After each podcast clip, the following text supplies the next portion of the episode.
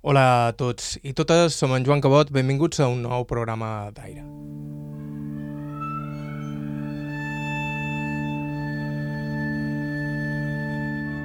I no a un programa qualsevol.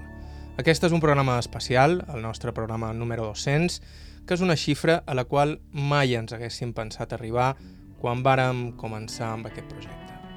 Això va ser l'any 2017 i anteriorment havia existit un programa de televisió presentat per Joan Frontera, del qual jo en vaig ser un dels guionistes, i arrel d'aquesta primera encarnació va sorgir la idea de traslladar a la ràdio la mateixa temàtica. Però prest les coses varen prendre el seu propi rumb i a poc a poc es va anar conformant el programa en aquest format que coneixeu i que pensam és ja la marca de la casa, un caràcter propi que sempre parteix de la mateixa matèria prima, el testimoni en primera persona dels nostres entrevistats.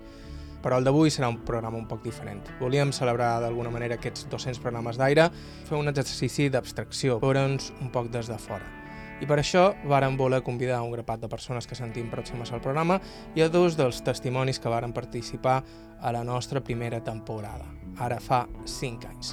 Tot això que escoltareu a continuació va ser enregistrat en directe dijous de la setmana passada al casal Solleric de Palma en una nit molt emocionant per a nosaltres. Tenim moltes coses a agrair a molta gent, però sobretot a la gent que ens escolta cada setmana. Així que a tots vosaltres, moltíssimes gràcies. Aquí teniu el nostre especial número 200. Estau escoltant Aire, a IB3 Ràdio, vos parla Joan Cabot. Començam.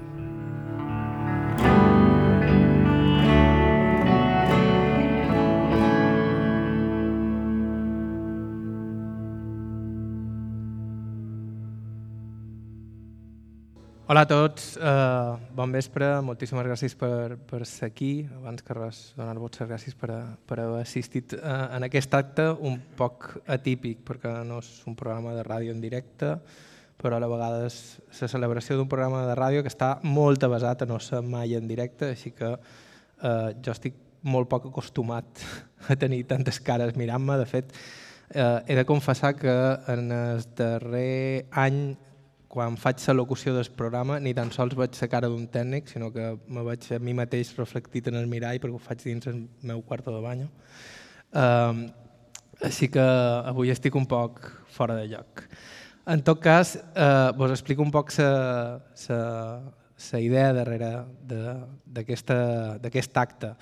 I és eh, enregistrar un programa especial per celebrar els 200 programes d'Aire, un espai dedicat a la memòria oral que s'emet cada setmana a IB3 Ràdio i que mai haguéssim pensat que arribaria en els 200 programes i que la setmana que ve arribarà en aquest número 200. Eh, el número 100 eh, me va passar com qui no vol sa cosa i per aquest número 200 sí que me feia il·lusió eh, fer un, alguna cosa especial i sortir-nos un poc de, de, del format habitual de, del programa i a la vegada que no perdre un poc el fil argumental que sempre han estat els testimonis de gent major, eh, també reflexionar un poc o mirar-nos un poc des de, des de fora sense caure en s'autohomenatge. Per això, eh, d'alguna manera, també eh, volia que hi hagués en aquesta taula avui gent que va participar a la primera temporada d'Aire i gent que va tenir un paper bastant important a l'hora de, de que el programa eh, nasqués i anés agafant un, una forma. De fet, la primera persona i el primer, la primera, el primer convidat que, que presentaré és Joana Gomila, cantant, eh, amb qui eh, d'alguna manera vaig coincidir en el moment en què Aire era un programa de televisió i que girava al voltant de les cançons i eh, sempre vaig sentir que d'alguna manera eh, hi va haver un moment en què teníem les mateixes inquietuds, que era aquesta com a de, de trobar les cançons perdudes, etc etc que després en Miquel Cardell, que és un periodista més veterà, m'ha dit això ho fa cada generació. I vaig pensar, sí, però però ho, ho hem de fer.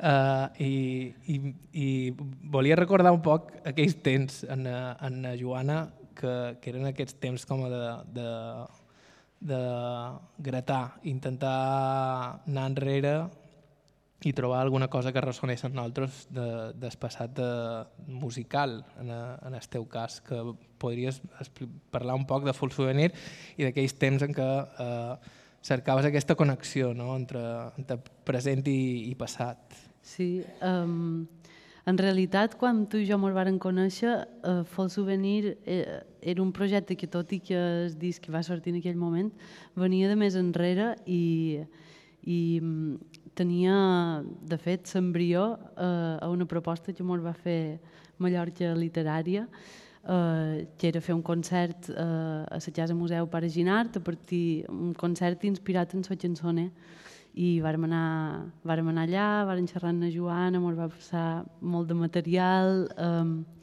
i va ser molt interessant perquè en aquell moment a mi se me varen ajuntar com a dos mons. Un era el món que jo duia com a ballatge, perquè sí que és vera que jo crec que Mallorca és un lloc on encara la gent canta, que això no passa a tot el món, però aquí sí, i, i jo personalment he tingut el privilegi des de petita de, de cantar amb la meva padrina i sense voler, sense cap intenció de gratar ni de cercar, aprendre moltes cançons. I en aquell moment eh, se varen ajuntar aquest ballatge personal en, en tot un xeramull de llibres, encara, encara me'n record, llibres i discos, i, i, i diu, uau, no? això és, és un oceà, aquí mos hi podem perdre. Uh, I bé, una mica això, sí. I després va aparèixer van aparèixer els testimonis orals d'aquestes cançons, que també van tenir un paper important, no? A sí, de... sí, totalment. De fet, aquests testimonis mmm, sí que és que jo des de petita eh, havia, havia gravat en casset eh, a la meva padrina per tristesa meva aquest casset els he perdut.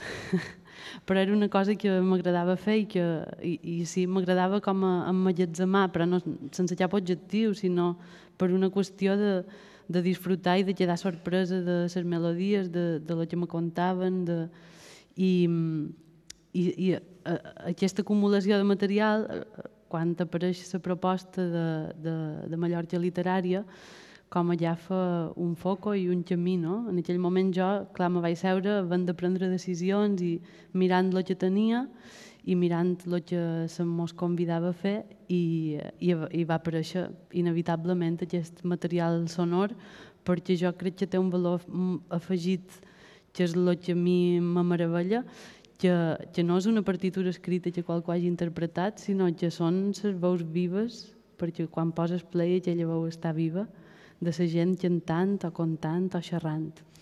Jo record que me parlaves de Madame Margalida, de, de Manacor, i que havia participat crec que en, en una presentació del disc o una presentació prèvia de, la gravació del disc o alguna cosa així i eh, era, una, era un dels noms que quan jo vaig començar amb aire a la ràdio tenia com apuntat una llista Madame Margalida i xerrar Madame Margalida i en el final vaig conèixer a Margalida Fullana aquí tenim també aquí avui Madame Margalida, què tal? Com estàu? Bé, bé.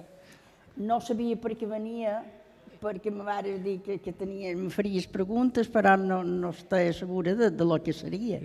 I, i me, bueno, estic contenta de veure a Joana i de veure-te tu que fa estona, que no t'havia vist. A, a, a vos, l'altre dia que vos vaig demanar, m'ara dir que encara vos ve gent a demanar-vos i, i a fer-vos preguntes de com se ballava un temps. Sí, sí. Perquè vos sí. sempre heu estat relacionada amb sa...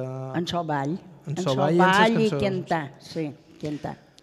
Eh, quan vareu començar a ballar, vos?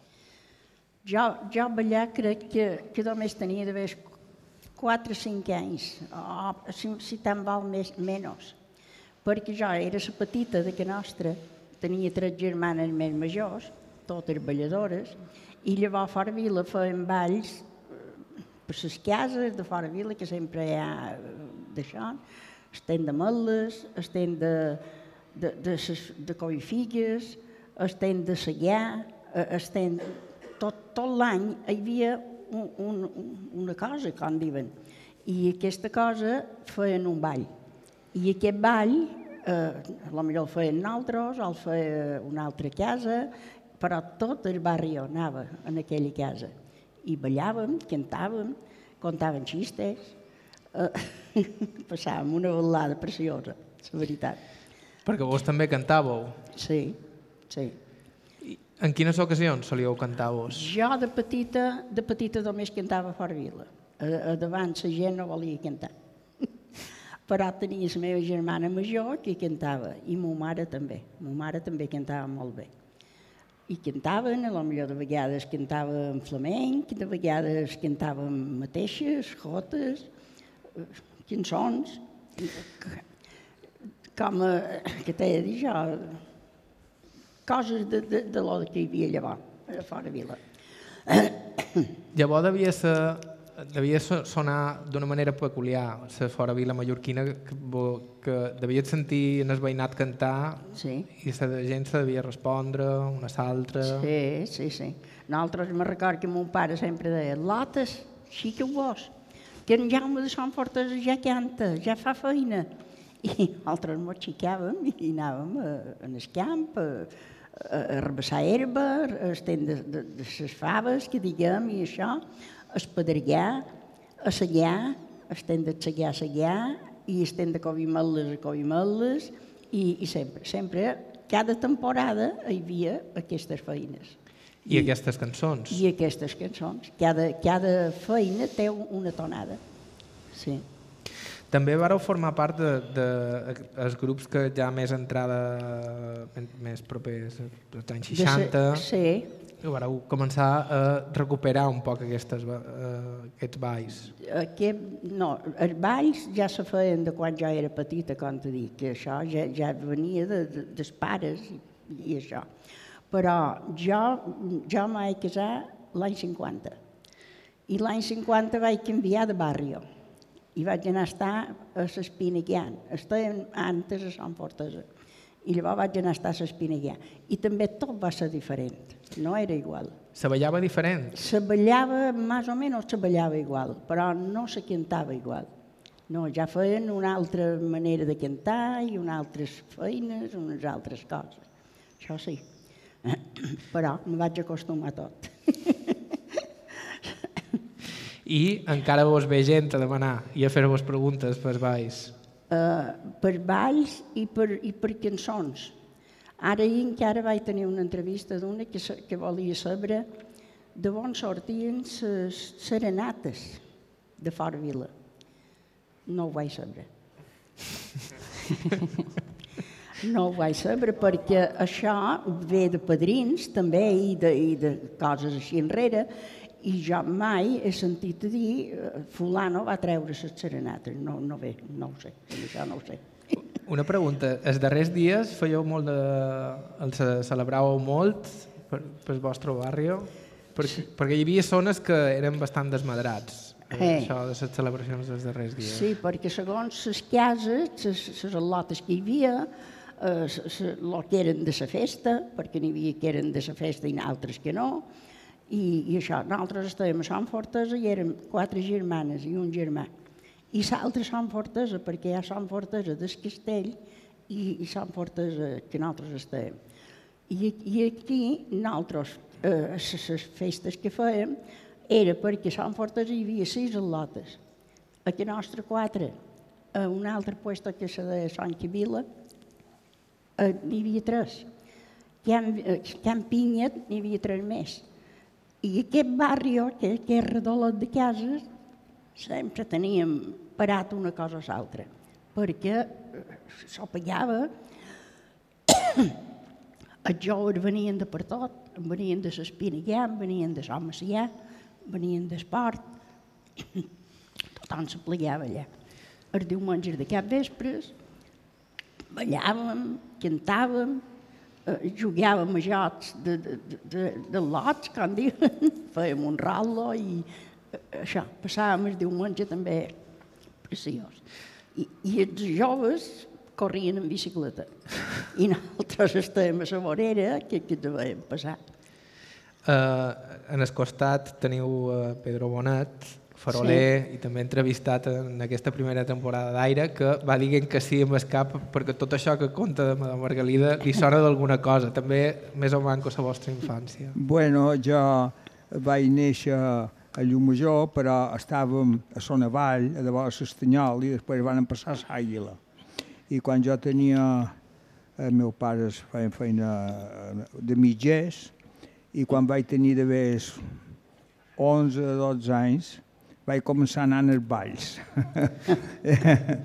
I no teníem gramòfono ni teníem res. A casa padrina en tenien un d'aquell de trompa, però no el podien transportar. I hi havia dues persones de la península, un cantava i l'altre amb una, amb una botella de nis eh, feia la música. I, I després ja va haver gramòfono. I un vespre, per els darrers dies, hi va haver un problema, perquè havien de botar una paret. Jo la sabia botar la paret, però jo anava vestit de dona, i el vestit no va donar. I me vaig poder reposar fins a damunt perquè no se podia dir, sí, era, això era així, eh? era així, tot això. Eh? I era, era molt agradable. Eh? Perquè era això, divertir-se amb les de les cases del voltant mm. i anar-se reunint a cada un o a cada altre. Sí. Sí. Allà on hi havia lotes. Eh? uh, vos, crec que vareu ser vos que m'vareu dir que també vos vareu fabricar una ràdio. Sí, Uh, un transistoret. sí, sí. Com ho vareu fer? Bueno, eh, el primer que s'ho va muntar va ser el meu germà, que per desgràcia van perdre 24 anys. Era molt intel·ligent i en so faré de, d'escap blanc, nosaltres vam anar a escola en el, en el faro d'escap blanc, perquè per anar a Llum Major les padrines també eren eh, eh, eh, feien de pageses i, no podíem estar a Llum Major fins que, fins que jo vaig dir a 10 anys que ja vaig començar eh, a 7 anys perquè venien de, de, de llavors Estanyol i, i, i, es, i un dia vaig dir en, es, en, aquell, se va, se va demanar permís, se va anar el, el director de les escoles de Llumajor i el, i el Batla, que era de Porrer, que era porrerenc de Llumajor, van anar amb un cotxe amb un pare per fer-ho oficial, perquè si després havien de fer. Però jo, vaig dir que volia ser farer, o faroler, com deien llavors, i aquell home era professor mercantil, i va dir, que vengui ton pare i ta mare. I, me va, i vaig anar, i van anar, i va dir, l'heu d'enviar, li heu de fer estudiar batxiller. I, bueno, i arrel d'això, pues, el meu germà i jo vàrem estudiar batxiller. No? I, I aquest home era, tenia, no tenia la titulació, però era una, un enginyer de telecomunicació, l'altre que va venir, no, no el primer, l'altre faré. I, claro, entre tots vàrem fer una ràdio i sentíem tot Espanya, amb una antena llarga, amb un fil de coure descobert, eh? que tenia aproximadament co com en, quasi en el fons d'aquí, al munt, eh? i sentien Ràdio Sevilla, tot, i llavors la peninsular, aquella, no, la peninsular no, aquella d'Andorra, que, estava, que la van prohibir després. Eh? I, bueno, i, i així ho fèiem. I, I el problema era que no podia dur, eh, això era... jo, que això encara anava en l'àmpara, no, hi havia, no hi havia transistors, i consumia bastant. I cercaven les piles tirades de, de, de telefònica. Eren així, rodones, així d'altes, els llevaven l'envoltori i posàvem un, una, un tros de giny de dins, i això era negatiu. Eh? I, clar, si havien de mirar a veure com eren tots vols, eh? perquè si no, pues, no bastava. bueno, bé, per resumir, resulta que aquest, aquesta ràdio pues, va, va ser molt famós perquè eh, no, no hi havia corrent allà ni res. I el meu germà va aconseguir auriculars de telefònica i, i em va aconseguir quatre jocs. Però, claro, eh, era massa poc perquè venien, quan hi havia futbol venia gent i van fer una cosa, una cada un. I vàrem ser vuit.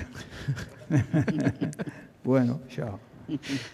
I eh, Madame Margarida deu recordar els temps en què se cantaven al camp precisament perquè no hi havia, sí. no hi havia transistors. No hi havia res. Si volies no. música l'havies de fer. L'havies de fer. La ràdio ja el teníem, la ràdio ja el teníem. Tenien ràdio Balear, que sempre hi va ser, però ni, ni teles ni res de tot això, això no hi havia res en el meu temps de jove. Res. Uh, Volia dir una cosa.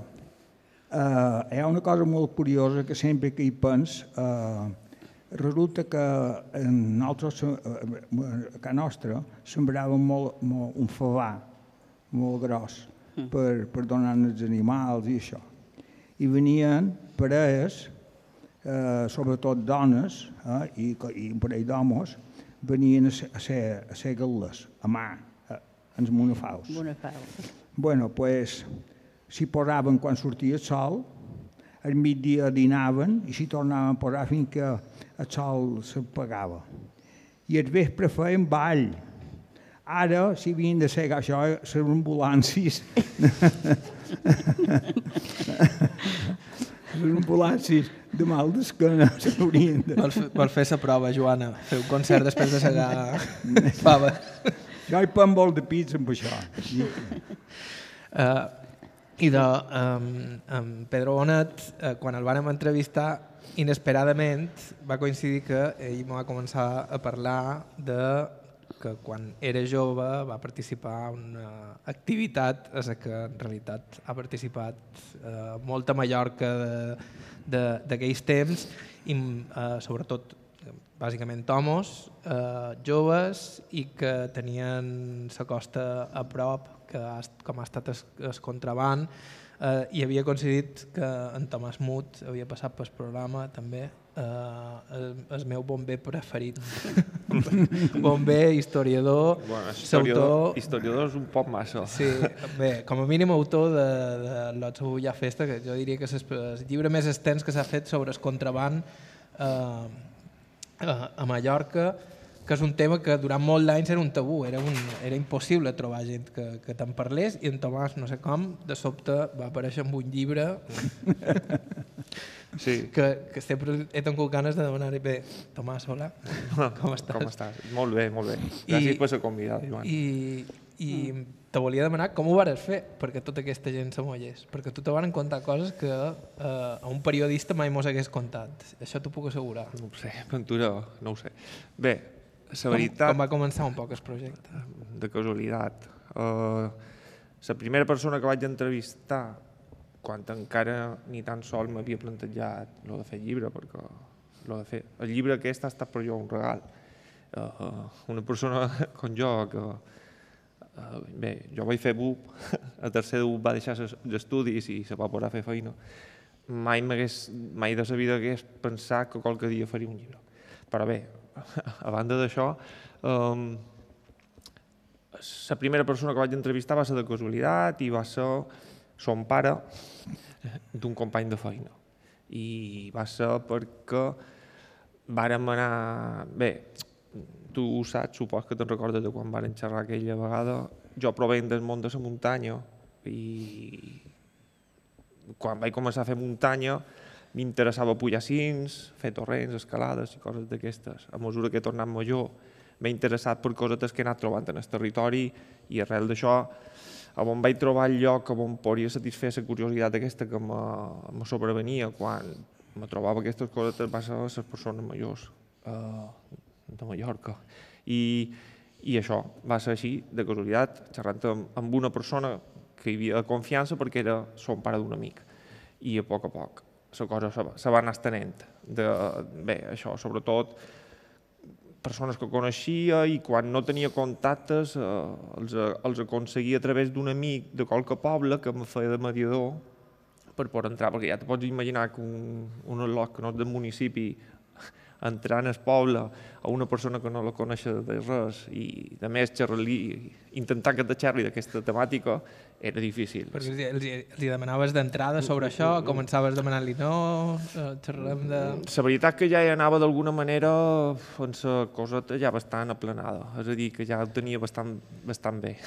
Sobretot per això, perquè havia trobat gent que me, que me permetia per, per aconseguir fer de mediadors o així.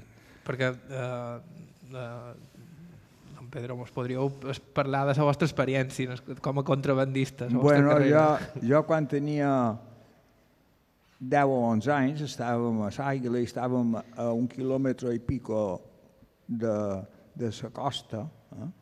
allà on hi ha el davallador de la pedrera, que un temps hi feien bé. I mon pare me va agafar, jo era el major dels dos germans, i em va dir, veus, nosaltres feim això, amagam que eh, tenim aquest, això en aquest treball aquí i vull que ho sabis, me va dir. I bueno, jo me vaig fiar, bueno, però això va quedar així. I en els 17 anys, quan feia jo el servici, se van presentar dos socis, això ha estat amagat, dos socis de la de, de la companyia, i me van dir tant de masté. I jo vaig dir, bueno, ja sabeu que un estudiant, per molt d'això que faci, eh, a de un que fa feina ho passa més malament. Vaig pujar d'una una caixeta de, de, que, que te va arròs eh, i duia unes espardenyes, no eren noves, però eren de, de queixes de sala d'auto, i, i no estaven forrades, dominava sola d'alta. Quan van arribar damunt no van servir per res. bueno, vaig passar bastant malament i me van dir, no, no, no, no, no t'han de mestre per això. I això? Diu, no, per amagar, per amagar el tabac. Eh, no, la companyia ara farà un carro en, en rodes de, de, de cotxe i ton pare té un mul que no ha de m'estar ferrar. De, de rebelde que era, tenia els cascos tan forts que no m'estar, tots els altres havien de m'estar ferrar i no feia res nou, claro. Tu, tu manaràs i nosaltres t'esperarem allà on te direm i, i, i ho amagarem. I això ho vaig fer quasi cinc anys. Eh? I eh, en l'hivern, quasi sempre, perquè en l'estiu eh, passava molta gent i no, bueno, i pujaven a d'haver mitjan lloc entre la casa i, i a fora, jo esperava en el carro, m'ho carregaven i me n'anava a un quilòmetre o dos a Magaró. Eh? Eh, dins una mata hi posàvem 16 sacs de cafè. Eh, i, i, i, i, i la mata, per no espanyar-la, la fermà, el dot ja la tenien fermada perquè poguessin passar les branques perquè clar, no la podien tear. Bueno, i després posaven una pot damunt i posaven la fuaca. I el matí l'amo de la possessió hi passava les ovelles perquè no se notàs, no se notàs això. Bueno, I hi ha una cosa curiosa, eh, un missatge que deien a fora vila, eh, normalment, eh, si era normal, un principiant, cobrava 300 pessetes eh, eh, menjat i dormint en, en el sostre. Mm? I si era més bo, 350. Jo, claro, que el mul era de mon pare, això me'n pagaven 550. Hi havia mesos que em feien dues vegades. Per tant, 1.100, 1.100, 1.100 pessetes llavors era un, una cosa. Bueno, i no vaig tenir cap problema, eh, més que un vespre vaig veure un cotxe amb uns llums, perquè jo anava tot sol de cap allà. Eh, vaig veure un cotxe amb uns llums eh, eh, llargs, els ulls llums llargs, i me vaig amagar en el carro darrere una, darrere una mata grossa, i vaig sortir del camí, i llavors el cent demà me vaig enterar d'una notícia molt, molt llastimosa. El bar Proen de Llumajor, l'amo mort, ja i les filles també, pues, no volia declarar i li van donar una pallissa que quasi el van matar. Eh? No va tornar a estar pus, pus bo, però no va declarar. Eh? Bueno, i, i això va ser, llavors ja va començar el turisme i això se va acabar. Eh, què duien primer? Primer, només, només tabac, eh, eh, en pastilles, Jorge Russo, i tabac ros, Philips, Morris, i, i després també va, llavors va, això va anar canviant i cafè. I llavors va canviant, i llavors va venir sucre, amb unes barres, i no era sucre blanc. Eh? Després van venir els petits electrodomèstics i, i això va anar evolucionant.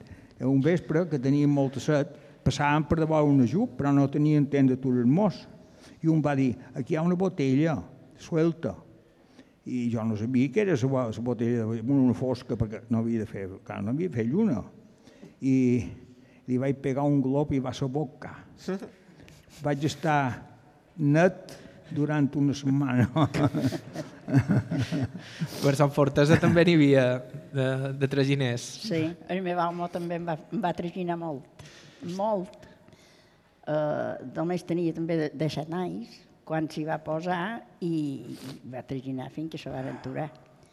Cobrava només 40, 40 duros, 200 pessetes, i, i dues pastilles de tabac. Ja. Cada vespre que hi anaven, però hi anaven quasi dues o tres vegades cada mes. Hi anaven. I, i el duien de baix de, de, sa, de, de Cala, Cala Domingos, just de vora hi ha una caleta que se diu Cala, Cala Antena, i el pujaven a damunt les espaldes fins a damunt de tot, per un caminet de cabra, com diuen. I, i el meu home sempre el feien anar davant, perquè ell sabia el camí i no se perdia. Però els altres, el que diu, feia ah. fosca, i, i agafaven, llavors veien un altre que prenia cap aquí i se perdien. Oh, li puc Això demanar en- una cosa? sí. Vos vareu conèixer la Francisca de Can Agustí? Sí, fotre, jo hi vaig estar aquí a Angosti. També? També. Bé, vaig xerrar amb ella, també. També hi xerrares. Sí, amb ella sí. També, també sabia cosa, Sí, sí, també. sí, sí. també sabia cosa. Mira tu. Sí. Jo sempre he al·lucinat amb, amb una cosa que m'ha contat gent que hi participava, que és que, i en Tomàs, que és un home de muntanya, ho corroborarà, Ah, sí, va, que, és, eh, que tu mires els camins i dius, eh, això, eh, bueno, s'exigent, jo ho faig amb, amb unes botes bones, Ah. preparat, aquesta gent ho feia amb unes espardenyes Sí, sí, sí, sí. Que, que ara no farien ni 100 metres, No, fosca negra i carregats amb 60 sí, quilos i, de tabac. I, I una cosa que hi havia, que um, si hagués estat en de dia no hauríem pujat, eh? Exacte. a, a sense nit, perquè en Nit i nit sense lluna. En la nit, en la nit no se veu perill. Eh? I, i, hi havia curiós, hi havia qualcun que, que, que començava amb un pare, era el que contava els viatges. Estava a damunt l'acantilat i contava els viatges des que haven fet. Hi havia qualcun que venia i, el primer dia per, per fer un viatge li venia just i en van arribar a fer sis. Ah, I bueno, anaven a tant el viatge eh, aquí. És curiós que una activitat tan extensa no tingui cançons. No, bueno, te, te, només tenien el motor de la barca de damunt les penyes perquè gent, fins que venia la barca i, este, Eh. i con, que no, no tenien ni mantes ni res, la gent una damunt l'altra per no tenir fred.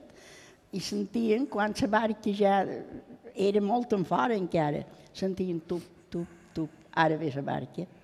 I la barca s'atracava a la vorera, n'hi havia dins la barca i els altres se carregaven el sac i per amunt. D'això que has demanat, Joan, uh, una, una, una altra de les persones que vaig entrevistar, la Montia Llinars de, de Som Macià, Eh. que era bo- el bon glosador, vaig aprofitar i li vaig dir que no coneixeu cap de tonada o cap glosa de contraband. Va dir que no. I, i vos gosaríeu fer-ne una. I bé, em va fer La va una fer. i la vaig incloure també en el llibre. Supos que té a veure amb el secretisme de, de Sí, l'activitat. supos que no també. cançons. Supos que sí. No fer res nou. Ah, no, Sí. no, no. Perquè, a més, eh, això, vull dir, n'han començat a parlar ara. Sí. Sí. Perquè Lla- Llavors era estrapel·lo i, i, I- no, no ho havien de dir, no podien dir-ho a ningú. I perquè... Això, Te... No, gràcies. això no, era, no, pensa tu, la policia està tota... I, es, i Can Gostí, tot mm. què dir, tenien els guàrdies. Sí, els civils, és veritat. Eh, Sí, sí, per això m'ha de... I només n'hi havia tres que ho sabien, que estaven comprats, però els altres no, no ho sabien. I havien d'anar alerta que aquells petits o aquells altres s'enterassen. Mos agafava en Gostí, en el cotxe, i mos duien al cinema a cá, perquè no, no fossin allà i no, i no s'enterassin de- d'això. Això he anat moltes vegades, Sí, no?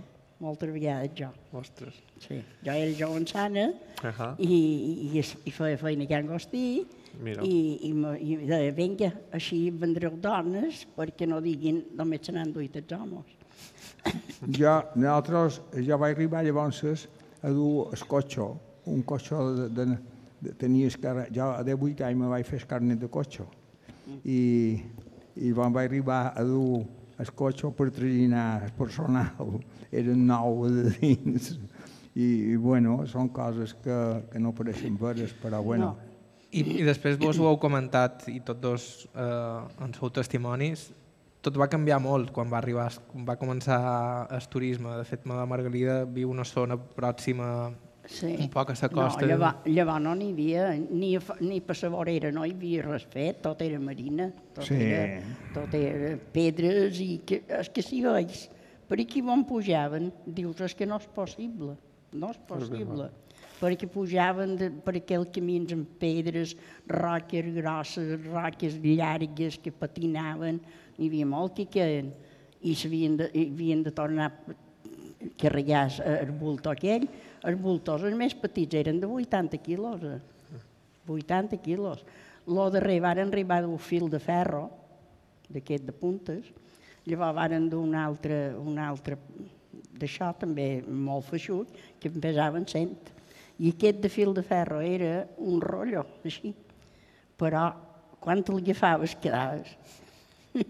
I el duien damunt l'espalda, pensa tu, aquests homes, quan se posaven l'espalda.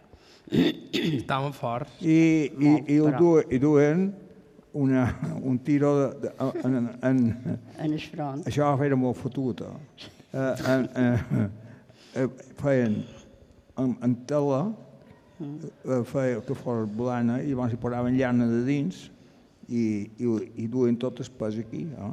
A damunt I, l'espalda. mem, i el llum, i el llum major eh, se va fer famós quan convidaven per anar a això, eh, a lots a nit a festa. O sigui, això era la consigna, no? Eh.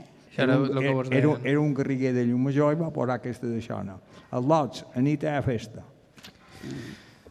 Ma de Margalida, vos ho heu vist canviar tot, aquesta, tota aquesta zona que era marina Sí, abans, sí. eh, ho heu vist a poc a poc transformar-se i convertir-se en una cosa completament Ah, ara, és, diferent. ara és tot ciment, ara no, no, no hi ha res de fora vila. Cala Anguila, que jo te deia, Cala Anguila no, Cala Romàntica, hi havia aquesta caleta que, que ho treien, hi havia un bocí, com t'hem de dir jo, un bocí així, de cala només.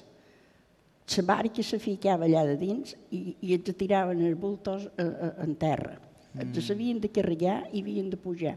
I era com una muntanya, venia a casa com una muntanya, amb aquestes pedres llises que te dic, i ho havien de pujar fins a l'Hospitalet. No sé si sabeu eh, eh, aquest terreno, però jo crec que hi ha jo crec que hi ha més de dos quilòmetres. I havien de dur aquest per damunt l'esquena. De vegades el matllaven, el que ha dit, a dins una mata, feien un quirmull i, i ho deixaven, i llavors l'endemà eh, anaven a cercar-ho. Però de les més vegades fins que eren en, en so carro i sa, i sa visti. I el duien llavors amagat en el, en el deixant que tenien. Va arribar a tenir-hi part tot l'espinaguer. Però quan ho va tenir, perquè això era infantonet de, de, de futbol. Però Dóna molt de lloc aquest tema. quan, quan se va deixar anar, ell cercava gent que, que volgués part amb aquell viatge i el mallava a casa seva. I quan tenia una cercada però grossa, llavors els agafaven. I l'espinaguem, en vez de fer duros, va quebrar, perquè te trobaven a, a, a, a maguetall I, i pensa tu, llavors posar una, una multa que valia més que el que, que, que tenia.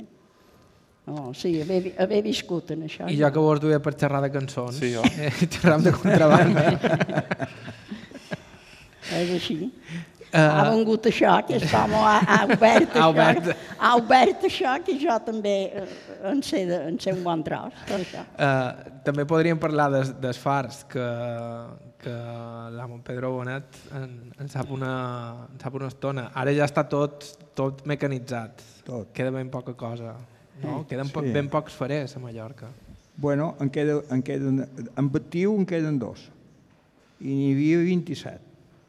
Eh? Eh, jo, quan vaig aprovar les oposicions, pues, no vaig anar eh, degut a aquest home que va fer, aquest farer que va fer la ràdio en nosaltres, eh, cap l'any, eh, me va dir, no em porta, vais a, a l'acadèmia, eh, jo, jo te prepararé. I va ser bo.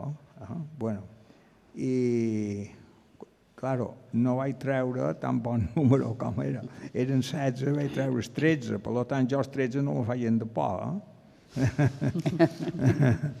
bueno, i, i llavors ens van enviar sis mesos de pràctiques, no?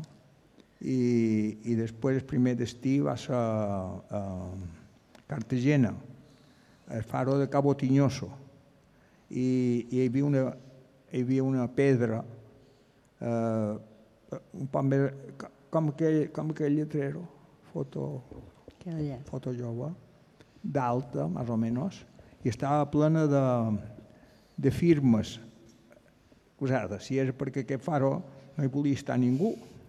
I, i hi anàvem forçós. Jo, jo he pogut anar a altres faros, però no m'interessava. La península anaria voluntari perquè hi havia d'estar dos anys. I, i, i allà, tot una que sortia una plaça, si podien, se n'anaven. Eh? I jo m'hi van enviar forçós, i vaig estar vuit mesos. Eh? I, I hi ha totes les firmes allà, totes d'aquest Tothom que volia fugir. Mira, mira si era inhòspit que l'Antonio eh, va, va venir perquè, na- de- mm, bueno, és que nosaltres li vam passar a fer tendes de souvenirs. No? Bueno, i, i, i ella pues, va quedar en les tendes i jo me'n vaig anar de cap allà. I, i, i, i, i eh, per Nadal va venir ella i els meus pares. I, i varen, l'altre va dir, l'altra, la dona de l'altre, era molt senyora i no sabien matar un pollastre, no sabien matar res, li havien regalat un pollastre. I va dir, mos menjarem el pollastre. Molt bé. Van anar a cercar el pollastre, hi havia una, una gavi d'aquestes que s'obrin per damunt i el pollastre va fugir.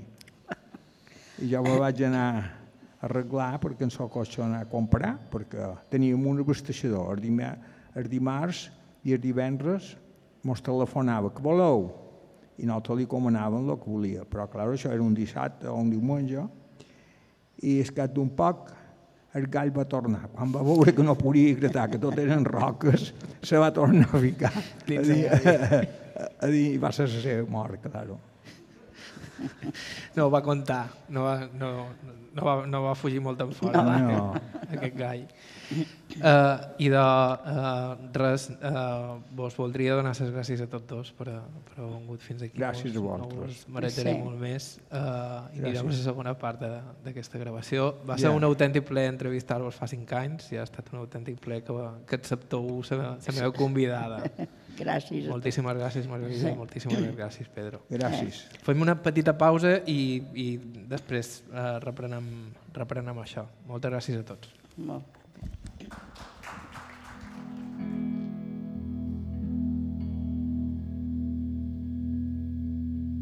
Un autèntic luxe comptar amb Margalida Fullana i Pedro Bonet en aquest acte realitzat dijous de la setmana passada al Casal Solleric. Fem una breu pausa i escoltam part del que va ser el final de l'acte. Estau escoltant el programa especial número 200 d'Aire. Tornem de seguida.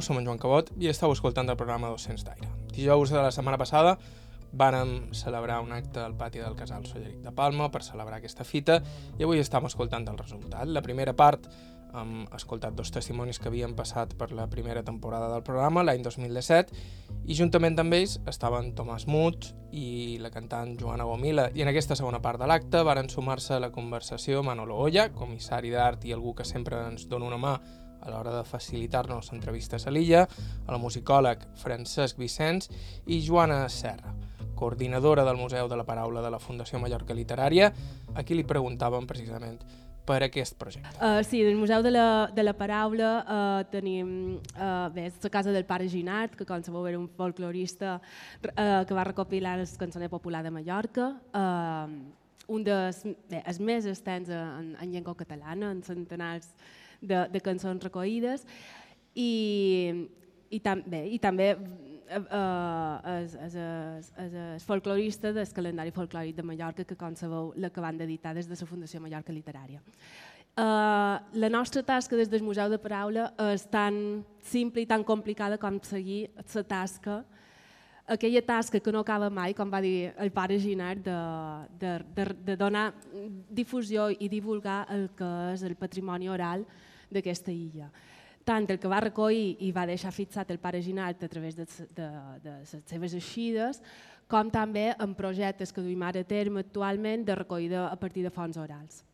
Aquest, aquests projectes, i també s'inclou eh, l'arxiu d'aire, els, est, el, els estem recopilant el que, el que serà l'arxiu oral de Mallorca.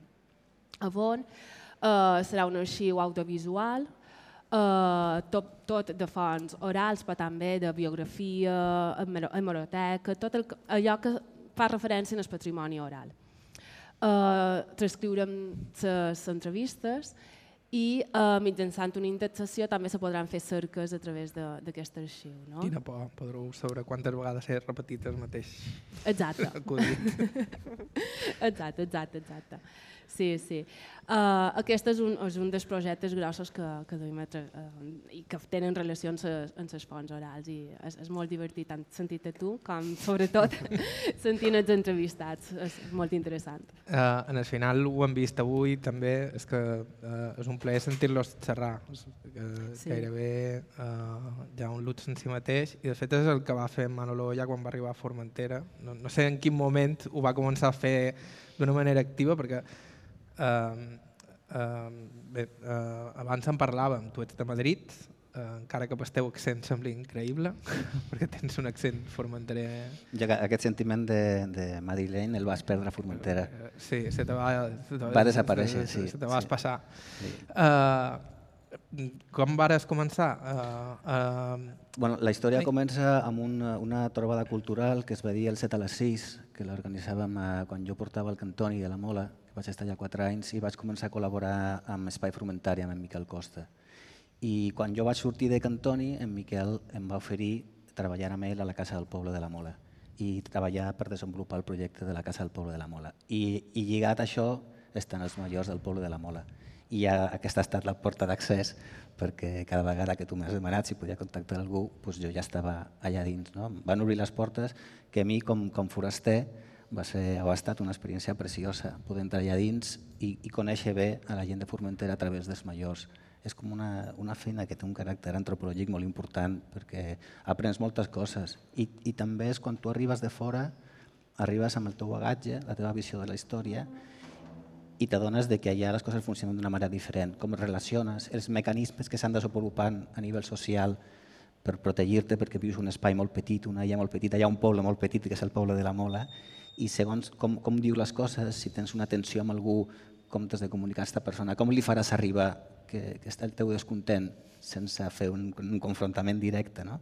Bueno, un munt de coses que les has après allà. I, i bueno, ha estat una experiència preciosa també per el, per el que és bàsicament tenir contacte amb, amb tota una experiència vital en, en els majors. No? És, és bàsicament el respecte per la gent venerable i, i bueno, que han viscut el que a nosaltres encara ens queda molt por.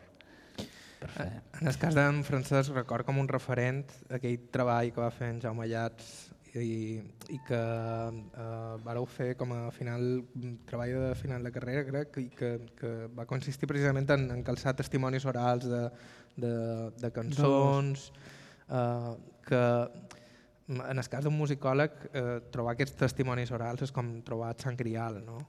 Sí, sí, va ser una feina molt interessant perquè nosaltres acabàvem, bé, molt bon, molt bon Hola. dia i enhorabona per aquests 200 programes, que també és una cosa que tenia que, que te volia dir, no?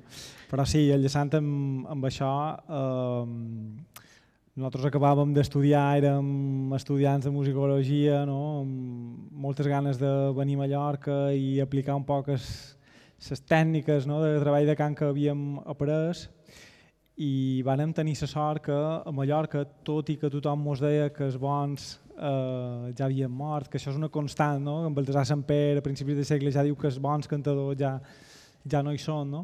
Eh, varen trobar una sèrie d'informants i de cantadors que ens varen permetre fer l'estat actual de la qüestió en el, en el canvi de mil·lenni, no? o sigui, com estava el tema de les tonades eh, l'any 2000, no? o a principis de l'any 2000, la qual cosa, doncs, vàrem, sense saber molt bé amb què ens trobaríem, vàrem poder configurar un bon, un bon repertori i avui en dia doncs, efectivament ja, és una, ja era, un test, era un treball de camp que urgia perquè sabíem que els testimonis que quedaven sí que eren els darrers, no? vius. I, i sí, estam, és una de les feines Creus- ha... Creus que encara se pot fer aquesta feina com la vareu fer l'any 2000 o que ja s'arriba un poc tard? Bueno, eh, encara hi ha, evidentment, encara hi ha el record i hi ha, eh, hi ha alguns testimonis, no? perquè la feina en el camp es veure que se va deixant progressivament, el turisme genera una ruptura important o crea un abans i un després important, però la feina en el camp eh, no mecanitzada, diguem, se va mantenir en algunes zones quasi, quasi fins als anys 70. No? Per tant, eh, tota aquella gent que feia feina amb estris no mecanitzats cantava no? i, i se'n recorda i na Joana deia eh, que se'n recorda haver cantat en la seva predina i una llàstima aquestes cintes, Joana, que s'han perdut. Eh? De fet, Joana, te volia demanar eh, com... Eh, clar, hi ha un element que és la cançó en si, però després hi ha l'element hu- l'element humà, conèixer la persona, que te canti la cançó... No sé si això també s'integra d'alguna manera en l'experiència i en la teva manera de després processar aquesta música. Vull dir, en el cas de la teva predina és obvi, és Sí. eh, la manera de somatitzar això. Jo crec que en realitat la persona és quasi més important que la cançó, no? Perquè la persona és, és com és l'esperit, no? Una cançó d'aquestes, de les que xerram ara aquí, um, a mi el que me meravella és pensar per quantes botxes ha passat, no? I el que me meravella és imaginar com era cada una d'aquestes persones i tenir el privilegi de poder estar en directe amb una d'aquestes persones ho trobo una cosa eh, fascinant. També que te contin el context en què cantaven aquesta cançó. Vull dir, que te contin història. No, jo aquesta cançó la, conta, la cantava quan... Sí, sí, sí, sí. El el context que, que per molt que vulguem, jo crec que la nostra generació ja no ho pot ni, ni imaginar, no? És una cosa mig romantitzada, mig eh, nostàlgica, que, que, que, queda, que queda una mica literària, no? Quan, quan ho escoltes i ho intentes imaginar. Hi ha, hi ha com un element també que això en el cas d'en Tomàs és evident, per exemple, xerrant de geografia o xerrant de rutes per dins les muntanyes, sembla com que eh, hi ha noms de llocs que se van perdent, que eh, ja no passaven per aquells llocs, per aquelles coses, vull dir que és com una mena de d'univers Sí. que es va esveint a poc a poc i que si no tens la sort de conèixer qualcú a vegades per pura casualitat que te, te, te parla d'aquestes coses és molt complicat que, que hi arribis. És així. És així. És a dir, les persones majors... És a dir, en el meu cas, eh, d'alguna manera, les fonts orals han estat la meva font d'inspiració i gràcies a les entrevistes que vaig poder fer he fet el que he fet i o he fet aquesta aportació per dir-ho d'alguna manera i un poquet vaig, tot, tot, va ini, tot ho vaig iniciar una mica per això. Uh, me, sabia com a greu a vegades consultant mapes actuals o coses d'aquestes. Uh, jo que som excursionista m'empipava una mica de com ara, o per ignorància, o per no sé què, substituïm eh, noms que, per desconeixença sobretot, batejant de nou. I tal volta fa molt d'any que ja, ja, tenien, ja tenen nom. Què passa? Uh, si tu tens la sort de poder aconseguir algú que te conti, que t'ho digui, bé, es, en part ho recuperes una mica, però sí que hi ha... Uh, sí, actualment tenim això, és a dir, uh, cosetes que, que nostres avantpassats ho, sabia, ho saben o ho sabien per, per no sé ben bé per què se va perdent. I, i no sé per què ara, en, en comptes d'intentar esbrinar si allò ja tenia nom, anem a el recurs fàcil que és posar-li nom nou. Sí, jo, eh, per exemple, jo en, en aquest cas ho veig eh, transcrivint les entrevistes que m'han anat fent de, de, que, i que tenim a l'arxiu i clar, som un parell de persones que feien les transcripcions i jo, després una, una persona, en aquest cas jo, els han de revisar. I clar, i notes molt, i sobretot en els topònims. Vaja. Quan ho ha transcrit una persona jove mm. o quan ho ha transcrit una persona més gran o, o de part forana que, mm -hmm. que no és de ciutat, no? perquè mm, malament no s'entengui molt bé eh, la paraula que diu l'entrevistat, si tens un pot de coneixement, tot d'una saps a què se refereix, no? I de vegades aquestes errats se veu dir, ah, això, ho deu haver transcrit tal persona perquè no, se li ha escapat els matisos. Gràcies perquè qualque amic m'ha dit, m'ha encantat el programa, no entes res, però m'ha encantat el programa. sí. uh, uh, jo crec que a part dels elements uh, que dèiem, les paraules, els topònims, els coneixements més concrets, eh, abans parlàvem amb Manolo, que hi ha com una cosmogonia, com una manera de veure el món que te transmeten d'una manera molt, molt, molt ràpida, que, que això passa també en les cançons, vull dir que, que les cançons no només són cançons, sinó que són com mapes morals de, de, de, del món i de, i de les coses. I quan xerres amb aquesta gent, a vegades, eh, contant una anècdota de com van anar amb carro a cercar la seva primera bicicleta o alguna així, com, ara m'ho estic inventant, no m'han contat mai aquesta anècdota, estaria bé. És que, jo crec que també una de les coses que, que marcarà un abans i un després és que abans, bé, ma dona li ho ha dit, no hi havia televisió, però és que no hi havia mòbils, no hi havia internet. I jo crec que tot això crec que marcarà un abans i un després amb el tema de les fonts orals, perquè anar a cercar, en el meu cas, anar a cercar curiositat que me sorgien del tipus que sigui i trobar resposta en els nostres predins i repredins i persones majors, mm, quan jo sigui, quan jo sigui predí, és a dir, tot això ja estirar, estirar la nube, que diuen, no? crec jo, no sé. Sí, jo tinc la sensació que tindrem moltíssimes fotos de tot el que hem fet aquest, aquest, aquest mm. darrer, aquesta sí. darrera setmana, però molt poca memòria, no? Sí. Uh, i, I això que comentàvem, que, que hi ha com una manera de veure el món, que, que supos que es, es connecten amb el que deia Manolo de, de com, com descobrir com són els formenterers a base de xerrar de xerrar amb els majors d'allà. I, bueno, I per mi després també és una, una connexió amb, amb una manera de viure que està vinculada, al, parlàvem abans també del tema del sistema, no? com era l'autarquia a Formentera, com es vivia, aquesta connexió que jo faig directament amb l'anarquisme, que a Formentera també va arrelar molt fort. Sí. Tot això arran d'una exposició que vaig organitzar sobre una commemoració de la Segona República a Formentera, en la que també reivindicant la importància de l'art en la societat, la cançó és, és el mitjà d'expressió artístic del poble de Formentera o de la Mola. No? I varem trobar una cançó que ens va dir en Pep d'en Jaume d'Escamp, que ja tenia 99 anys, que va comprar quan tenia 10 anys a un home que va venir a Campuig a, a un míting, perquè era Campuig, l'explicava ell, eren d'esquerres, li va comprar la cançó i, i encara recordava dues cobles. I, I ens va dir les dues cobles senceres de pe a pa sobre aquesta cançó, sobre la Segona República, que a la vegada teníem documents escrits que era una cançó que havia escrit en Xumeu d'Escafé, que era el, el, el Centro Instructivo Republicano, el bar centro de, de la plaça de Sant Francesc, i també teníem un altre testimoni que era de l'abuela d'en Jaume Escandel, que és el tècnic de Patrimoni de Formentera, que és musicòleg, i amb aquests testimonis vàrem conformar el que era la cançó que es va exposar i va ser una joia, va ser una cosa preciosa poder tenir aquest document històric que ve de la cançó, que a la vegada és un mitjà d'expressió artístic. Tot, tot, aquesta, tot aquest lligam és, és molt polit i molt important.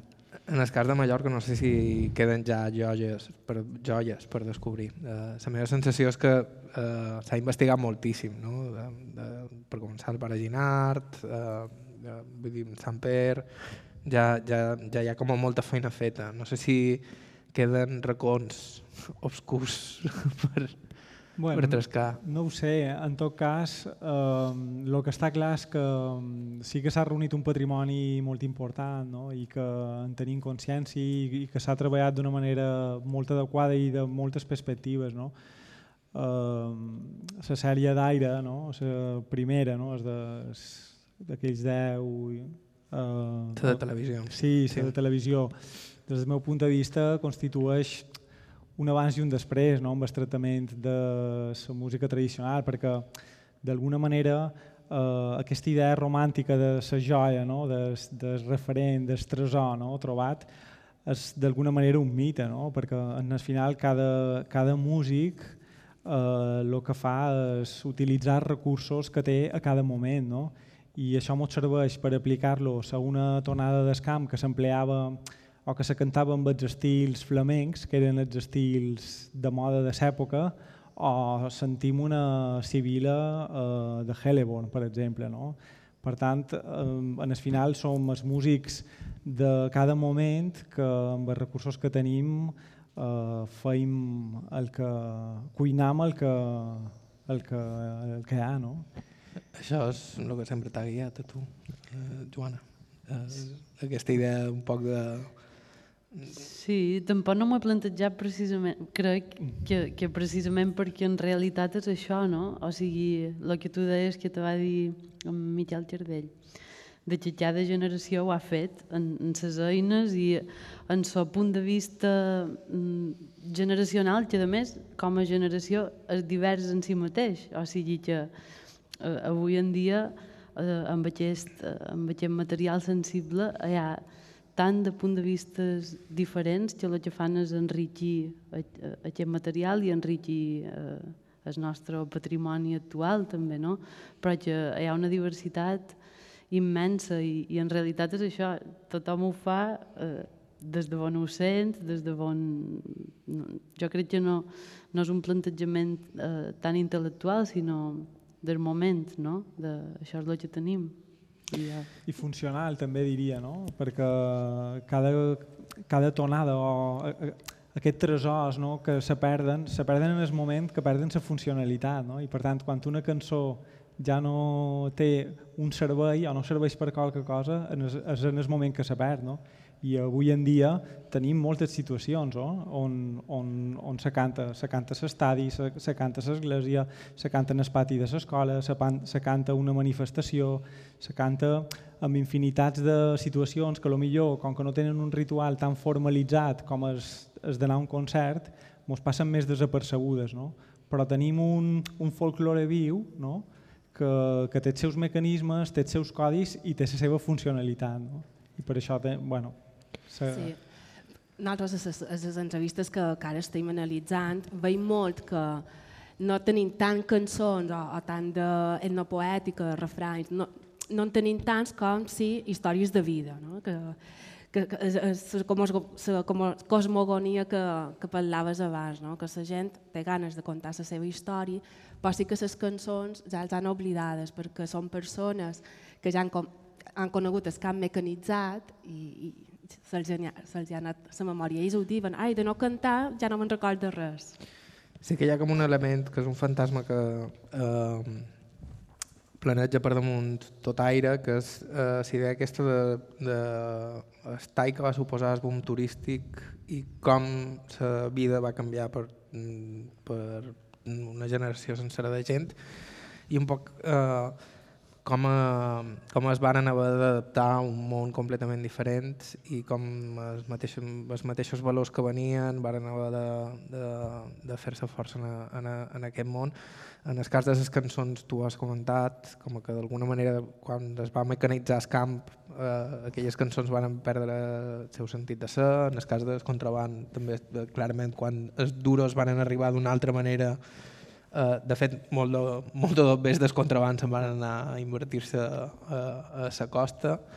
Eh, supos que això també ho heu vist clarament a Mallorca Literària, a Formentera també ha estat una terra... Vull dir, m'agradaria que, que, que em parléssiu cadascú de la seva pròpia experiència, de com, com, com això ha condicionat uh, a, a la gent que ha tingut a prop jo crec que en el Pla de Mallorca ha condicionat més el que va ser la revolució verda a l'agricultura, és a dir, l'introducció del tractor i de la mecanització, eh, que no tant el turisme, que, que ja va venguent, ja va arribant, però això sí, no?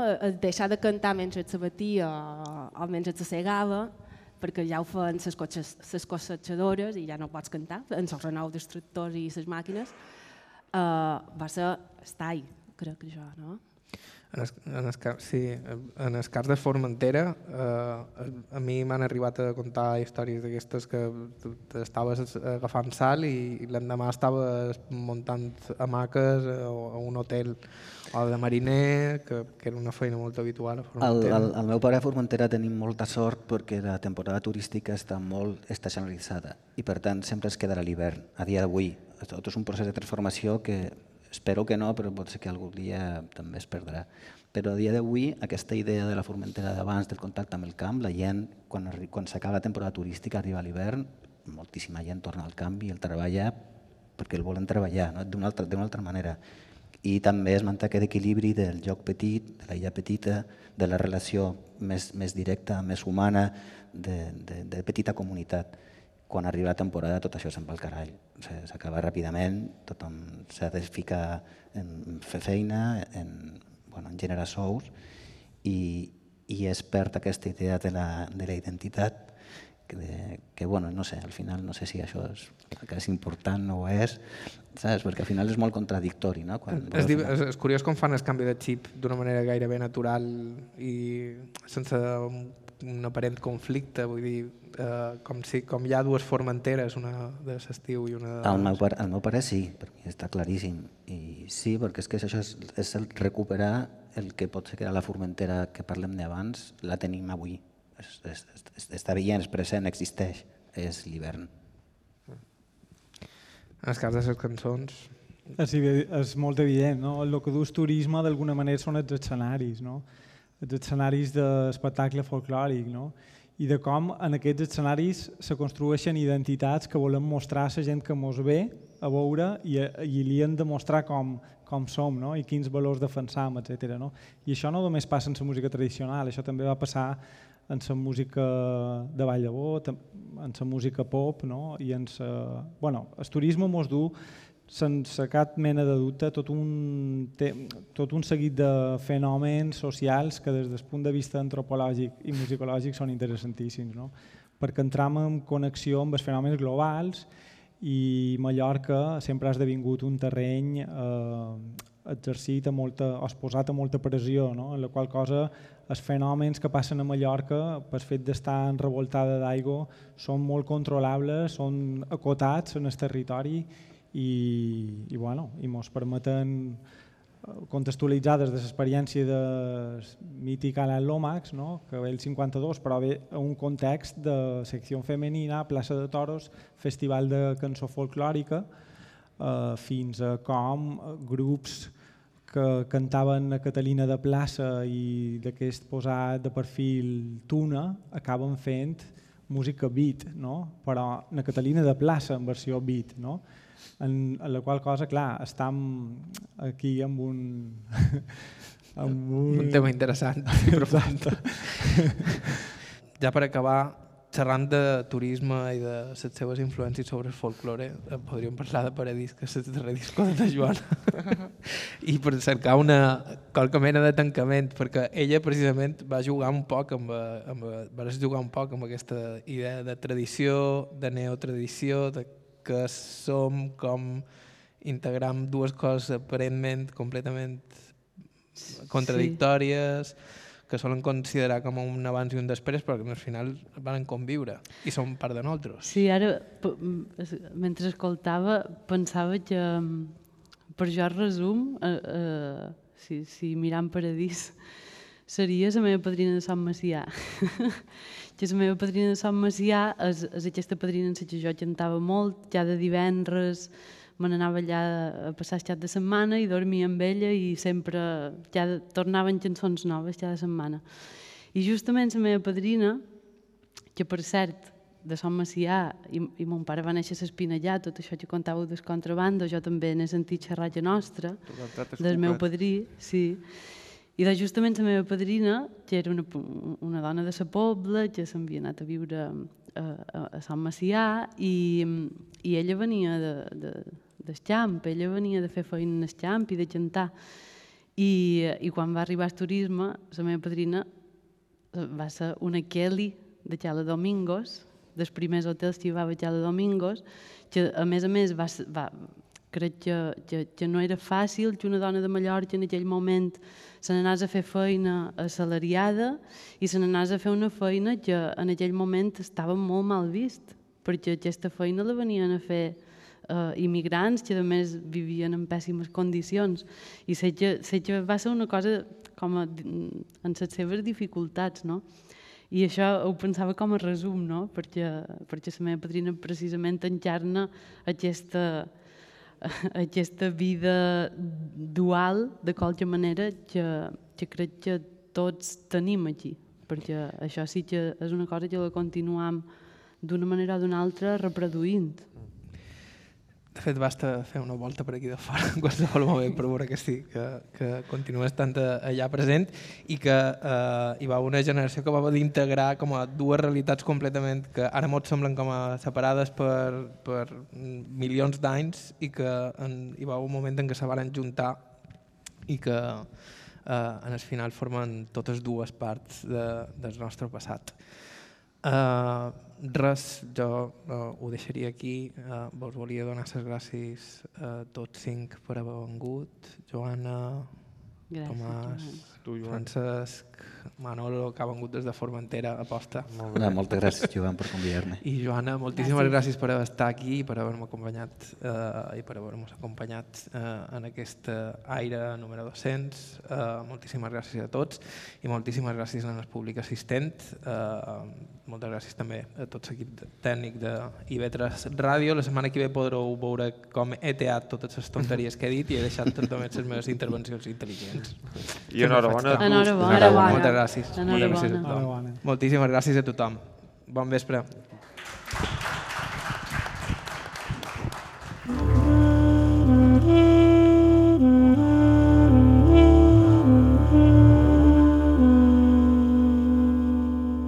I fins aquí el programa 200 d'Aire. Moltíssimes gràcies a tots els convidats i moltíssimes gràcies a tothom que ens ha donat un cop de mà en algun moment al llarg de tots aquests anys i sobretot a tota la gent que hem tingut el privilegi d'entrevistar. Vos recordam que si ens voleu proposar alguna entrevista ho podeu fer per correu electrònic a aire.ivetresradio.com i que vos podeu subscriure al podcast del programa a qualsevol de les plataformes disponibles. La gravació en directe al Casal Solleric la varen fer Iker Hernández i Facundo Tenaglia i Pep Díaz Bassa, l'encarregat d'organitzar l'acte. Com sempre, Bàrbara Ferrer, la producció executiva, vos ha parlat Joan Cabot, gràcies per ser a l'altre costat i fins la setmana que ve. Mm-hmm.